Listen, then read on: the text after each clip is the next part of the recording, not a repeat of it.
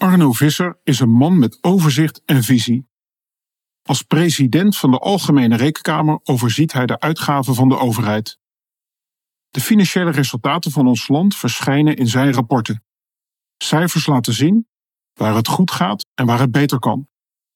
Ook ziet hij verschillen tussen ogenschijnlijke, vergelijkbare onderdelen en gebieden in ons land. Doordat hij op een afstand kijkt, ziet hij soms beter dan de direct betrokkenen waar het goed gaat en waar kansen liggen.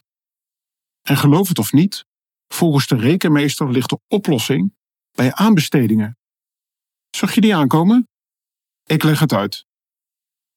Visser opende dit jaar traditiegetrouw met een essay in Elsevier Weekblad. Daarin stelde hij de investering in goede digitale systemen aan de kaak. Volgens hem gaat daar nog altijd veel mis. Het vernietigende rapport van parlementair onderzoekscommissie onder leiding van Ton Elias is inmiddels acht jaar oud. Maar we hebben sindsdien elementaire lessen nog niet geleerd. Een van de pijnlijkste confrontaties daarmee zien we volgens de rekenmeester in de huidige pandemie.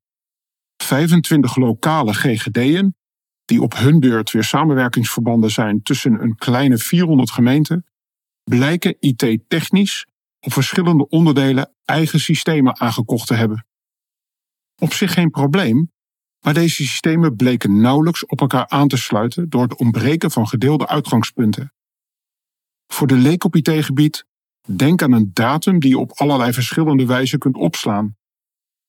Als dat niet aansluit, dan valt er weinig tussen systemen uit te wisselen. In een medische omgeving is een datum dan nog een eenvoudig voorbeeld.